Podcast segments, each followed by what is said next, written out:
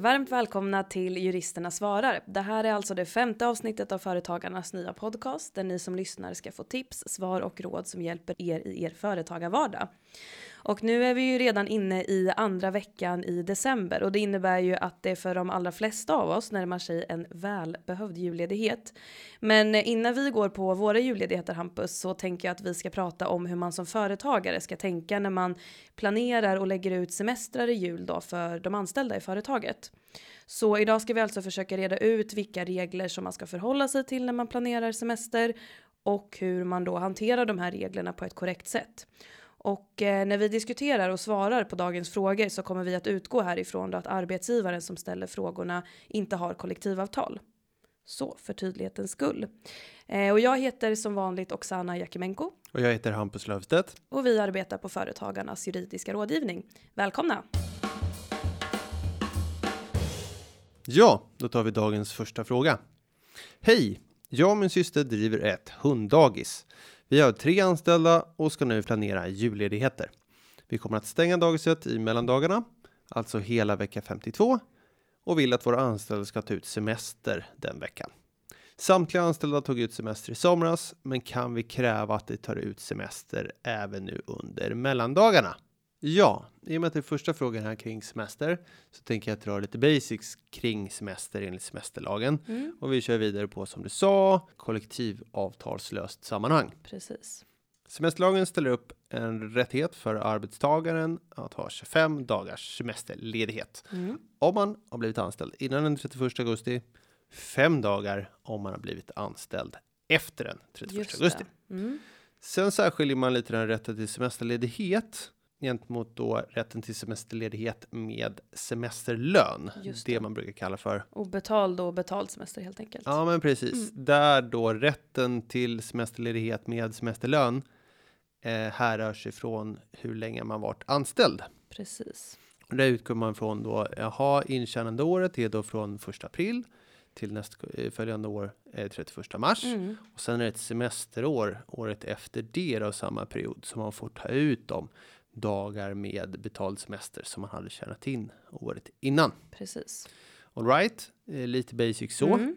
I den här frågan så gissar vi oss till för att förenkla det hela helt enkelt. De anställda har varit anställda ett helt intjänande år. De hade därför rätt till 25 dagars semester enligt semesterlagen och har inte rätt till fler semesterdagar enligt kontraktet. Precis, för det kan man ju bara nämna lite kort att semesterlagens bestämmelse om att den anställda har rätt till 25 eh, semesterdagar är ju minimum så att säga. Sen ja. får ju arbetsgivaren erbjuda fler semesterdagar.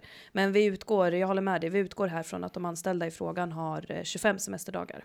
Ja, men precis. Mm. Eh, och fortsättning på lite basics är ju lite så här att ja, eh, det framgår av 11 paragrafen i semesterlagen att det är arbetsgivaren som som helt enkelt eh, bestämmer förläggningen av semester. Mm. Eh, det ska dock ske i möjligaste mån i samråd med den anställde. Mm. Och eh, det har vi varit inne på tidigare och det, det, märker vi när vi pratar med företagare att semesterlagen är inte helt lätt att läsa sig igenom. Så att parafraseringar av den är oftast bra mycket enklare än, än mm. hur det faktiskt står som det här med att det är arbetsgivaren som bestämmer förläggningen av semester föregås ju kring många skrivningar kring samråd och om inget annat har avtalats, mm. som inget annat har överenskommits och liknande, vilket gör att det kan vara lite svårt att komma ner till den där. Men utgångspunkten är ändå att arbetsgivaren bestämmer förläggningen av semester. Ja. Huvudsemester. Vad är då det? Jo, det är semester i juni, juli, augusti. Mm. Och då står det faktiskt uttryckligen i semesterlagen att arbetsgivaren ska, kom, kom ihåg det nu, mm. arbetsgivaren ska förlägga fyra veckors sammanhängande semester under juni, juli, augusti. Men återigen där, om inget annat avtalats. Mm. Och då hänvisar man till, om man tittar i förarbeten och, och, och kommentarer och sådär, att man menar både då avtal enligt kollektivavtal eller avtal med den enskilde. Mm. Det gör ju att visst, arbetsgivaren ska lägga ut fyra sammanhängande, men om jag och min chef kommer överens om, avtalar om att jag ska ta ut eh, tre veckor i, i juni och mm. en vecka i augusti, mm. så är det helt fine. Precis. Den är alltså dispositiv på så sätt. Mm. Sen har faktiskt arbetstagare också en rätt att spara semesterdagar. Ni kommer ihåg att man hade rätt till 25 stycken semesterdagar. Vi tänker oss att man har tjänat ihop till 25 dagars eh, Betald. betald semester. Mm. Ja, men precis. Och då har man rätt att spara överskjutande semesterledighet med semesterlön över 20 dagar. Mm. Så att med andra ord, eh, om man har 25 semesterdagar så kan man spara fem av dem per år. Ja, men precis så. Och i den här frågan så frågar de om kan vi bestämma oss för att alla ska ta ut semester här för vi vill stänga. Mm. Och så kommer vi ihåg tre saker. Arbetsgivare bestämmer förläggning av semester. Mm. Vi kommer ihåg att arbetsgivaren ska lägga ut eh, fyra veckors sammanhängande semester under sommaren. Mm. Och vi kommer ihåg att den anställde kan Spara fem dagar. precis. Mm. Så om vi säger då att alla de här anställda har tagit ut fyra veckors semester i somras. Mm. De blev belagda med det helt enkelt. Mm. Och de inte vill spara de här fem dagars semester Mm. som är kvar. Mm. Då kan arbetsgivaren peka med hela handen och förlägga semester till vecka 52. Precis. ska ju fortfarande ske i samråd då naturligtvis. Eh, Men om då arbetstagarna säger att nej, men vi sparar de här fem eh, dagarna, Mm. då kan inte arbetsgivaren förlägga den här semestern Nej. hur de vill. Men vad gör, och vad gör den här arbetsgivaren då, då? Låt säga att vi hamnar i situationen där alla de här tre anställda vill spara sina överskjutande fem semesterdagar till nästa år till exempel. Mm. Men arbetsgivaren har ju planerat här att stänga hela vecka 52 så hunddagiset är stängt. Det, är, det kommer inte vara varken några hundar eller personal där. Mm. Men de anställda vill inte ta ut semester den veckan. Nej. Vad gör arbetsgivaren då? Då har ju arbetsgivaren och arbetstagaren ett kontraktsförhållande Mm. där det står att man ska jobba en viss tid, en viss beläggningsgrad och man ska uppbära en viss lön. Mm. Vilket om vi säger att de här är heltidsanställda och, och jobbar eh, eh, måndag till fredag Mm. så ska de ju under den här eh, veckan helt enkelt uppbära lön om det är så att det är arbetsgivaren som skickar hem dem. Mm. Ja, precis. Så att antingen får de här anställda då vara hemma helt enkelt och ändå få full lön. Eller så får ju arbetsgivaren då se till att man kan utföra arbetsuppgifter under den här veckan. Ja, men precis. Mm. Man kanske kan hitta på andra administrativa uppgifter som ändå är inom Inom amöban. eh, inom, precis inom, inom tjänsten. ramen, precis. Ja, men precis så. Ett litet tillägg. Det är att arbetstagare faktiskt har rätt att avstå från semester om, om semestern inte är förenad med semesterlön. Mm. Och det kan ju vara bra att komma ihåg där vi var inne på när man ska förlägga hussemester, man lägger ut eh, fy, fyra veckor om man inte kommer överens om annat. Eh, och men då kan den anställde bara nej, jag avstår faktiskt från att ta de här eh, Fyra veckors fyra veckorna obetald semester. Obetald semester, Ja, för jag jobbade inte förra intjänande året så att Ja. jag har inte råd med det. precis. Så kan man göra. det. Och det kan, man ju, det kan ju faktiskt tillämpas på den här situationen. För låt säga här att vi har eh, två anställda som har betalt semester Mm. och inte vill spara fem semesterdagar till nästa år. Mm. Då är det ju som vi sa att arbetsgivaren då kan eh, förlägga den här semestern under eh, veckan som de planerar att ha stängt. Men är det däremot så att den här tredje arbetstagaren den har tagit ut fyra veckors obetald semester i sommar Mm. men vill inte ta ut de sista fem dagarna för den är ju som sagt obetald. Just Då det. kan ju inte arbetsgivaren förlägga semester den här vecka 52 för den här tredje anställde som då har obetald semester. Så Helt att obetald semester kan arbetsgivaren alltså inte tvinga den anställde att ta ut. Nej, men precis. Så, då Bra. tycker jag vi går till nästa fråga. Det tycker jag också. Hej, hur gör jag om någon av de anställda som har fått semesterledigt i jul blir sjuka under den pågående ledigheten? Ja, det kan ju uppstå att man har eh, blivit beviljad semester eh, mellandagarna eller kring, kring jul i övrigt och sen så blir man sjuk mitt under semestern. Mm. Eh, så att vad ska man som arbetsgivare och vad ska man som arbetstagare göra då? Eh, jo, men och då är det som så att om en anställd blir sjuk under semestern så ska då den anställde utan dröjsmål Mhm. sjukanmäla sig till arbetsgivaren och begära om att få avbryta sin pågående semester. Och då får den anställde tillbaka sina semesterdagar som man har varit sjuk. Eh, och då får man ansöka om att ta ut de här semesterdagarna vid ett senare tillfälle. Eh, och det här, det här med avbryta semester, det har man rätt att göra både om semestern är betald och obetald. Men är det betald semester vi pratar om, då har ju den anställde fått en semesterlön utbetald då i samband med semestern. Och låt säga här att den anställde då skulle ha haft semester i två veckor. Man har fått semesterlön för två veckor, men så blir den anställde sjuk under en av de här semesterveckorna. Och om den anställde då avbryter semestern på grund av sjukdom så blir den här personen inte återbetalningsskyldig för den semesterlönen som man redan har fått. Men däremot så har ju den här anställde som jag sa då rätt att lägga att ansöka om semester för de här dagarna vid ett senare tillfälle och då har ju den anställde inte rätt till att få semesterlön igen för de här dagarna, för det har man ju redan fått utbetalt vid ett tidigare tillfälle. Eh, och som jag sa också där så ska ju den anställde sjukanmäla sig utan dröjsmål. Och det betyder mer konkret då att den anställde ska ju anmäla den här sjukdomen så snart som möjligt, men senast när han eller hon kommer tillbaka från semesterledigheten. Nej, men okej, okay, men alltså eh, kanske en lite snurrig fråga, men men en anställd som är sjuk när han eller hon egentligen skulle ha jobbat. Mm. Alltså varit, det vill säga varit schemalagd. Mm. Eh, den får ju sjuklön, mm. eller hur? Mm. Ja. Eh, för det är eh, dagar som man är sjuk eh, efter karensavdrag. Mm. Mm. Hur blir det då i det här fallet när den anställde inte varit direkt schemalagd för arbete utan mm. liksom varit schemalagd för semester? Får man sjuklön då också eller? Just det. Ja, nej men precis. Alltså om den anställde får semesterlön, man avbryter sin semester och så begär man då att de här sjukdagarna inte ska räknas som semesterdagar. Mm. Då har den anställde rätt till sjuklön mm. under de här sjukdagarna istället. Så att man, eh, man, man resonerar på precis samma sätt som om den anställde skulle ha varit schemalagd för arbete. Mm. Och sjuklönen beräknas då också på samma sätt som om personen egentligen skulle ha varit schemalagd eh, att arbeta. Så enligt vanliga sjuklöneregler. Ja, karensavdrag och, och ja, ja, men hela precis, den grejen. Exakt. Eh, och det här, kan man ju, det här gäller ju även, låt säga att den anställde som sagt har semester och den här personen är utomlands men blir sjuk.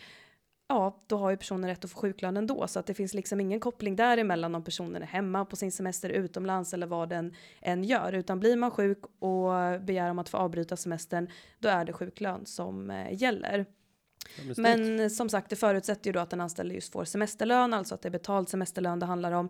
Man sjukanmäler sig, avbryter semestern och begär att sjukdagarna då inte ska räknas som semesterdagar. Mm. Ja men snyggt, då eh, hoppar vi vidare till nästa fråga. Jajamän. Hej! Den 1 oktober i år sa vi upp en anställd på grund av arbetsbrist som hade tre månaders uppsägningstid. Redan i september lade vi ut julsemestrarna och vi kom överens om att hon skulle ta semester de två senaste veckorna i december. Nu säger den anställda att hon inte vill ta ut semesterledighet. Vi har dock redan beslutat om schemat i december och vi gör inget arbete till henne om hon inte tar semester. Vad ska vi göra? Mm -hmm. En klurig situation.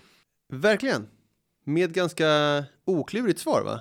Mm, ja, faktiskt. Ja, utgångspunkten är att arbetsgivaren inte får förlägga semesterledighet under en anställds uppsägningstid om inte den anställde har godkänt det. I det här fallet blev ju semestern dock beviljad och utlagd innan den anställde sades upp och innan uppsägningstiden började löpa. Mm. Då undrar man ju lite, hur blir det då? Mm. Då är det så snajdigt att just sådana situationer uttryckligt är reglerade i semesterlagen. Det framgår nämligen att om den anställde efter att semestern lagts ut blivit uppsagd på grund av just arbetsbrist och uppsägningstiden inte längre än sex månader så får den anställde begära att förläggningen av semestern upphävs. Resultatet här blir ju då att arbetsgivaren ska betala ut den intjänade semestern i semesterersättning på slutlönen istället. Men resultatet av det blir då att arbetsgivaren ska betala ut den intjänade semestern i semesterersättning på slutlönen. Exakt. Och det där kan ju göra att det finns ett ekonomiskt incitament för den anställde att eh, begära helt enkelt att man eh, inte har semester under uppsägningstid. Mm, ja, men precis. Så ja, den anställde i den här situationen då eh, har rätt att begära att den redan utlagda semestern i de två sista eh, veckorna i december eh, ska upphävas mm. och då hon ska få den intjänade semesterlönen sen utbetald som semesterersättning. Mm. Och vi kan väl för tydlighetens skull säga att semesterlön och semesterersättning beräknas på samma sätt. Men skillnaden i begreppen ligger egentligen i att semesterlön får man ut i samband med semesterledighet medan man får semesterersättning utan att man tar ut semesterledighet. Så till exempel om man har betalda semesterdagar som man inte hunnit ta ut innan ens anställning upphör så ska man få ut motsvarande belopp i semesterersättning. Ja, men precis. Och då tänker jag att vi eh, ska gå över här på fråga fyra för den handlar just lite om beräkning av semesterlön. Det låter som en väldigt bra idé. Hej, hur, hur räknar vi ut hur mycket våra anställda ska ha i semesterlön nu när de ska vara lediga i jul? Ja, okej. Okay. Eh, mm, semesterlönen den kan ju räknas ut enligt eh, två principer. Och då är det ju antingen sammalöneregeln eller procentregeln. Och eh, lite kort kan man väl säga att enligt sammalöneregeln så ska den anställde då ha samma lön under semestern som han eller hon har eh, om personen då i fråga skulle ha arbetat den månaden och så plus det ett semestertillägg. Och semestertillägget det varierar beroende på om man har en veckolön eller månadslön. Men har man en månadslön så är ju semesterlägget på 0,43 procent. Precis så. Så. Eh, den andra regeln då som man kan använda för att beräkna semesterlön, det är ju procentregeln och då ska den anställde ha 12% av den förfallna lönen under intjänande året i semesterlön. Och hur ska man då veta vilka av de här två reglerna man ska använda? Jo, men det handlar om att om eh, anställda har en fast månadslön så använder man sig av samma löneregeln. För då beräknar man ju som sagt eh, semesterlönen utifrån vilken lön man skulle ha haft en vanlig månad om man hade arbetat. Och har man en fast månadslön, ja då är ju lönen som oftast, som regel, konstant under hela mm. året. Men pratar man då istället om anställda som inte har en bestämd lön per vecka eller per månad. Så till exempel om den anställda har timlön eller om man bara jobbar på provision eller också om den anställda har bytt sysselsättningsgrad under året. Mm. Då använder man sig av eh, procentregeln för att det ska bli rättvist.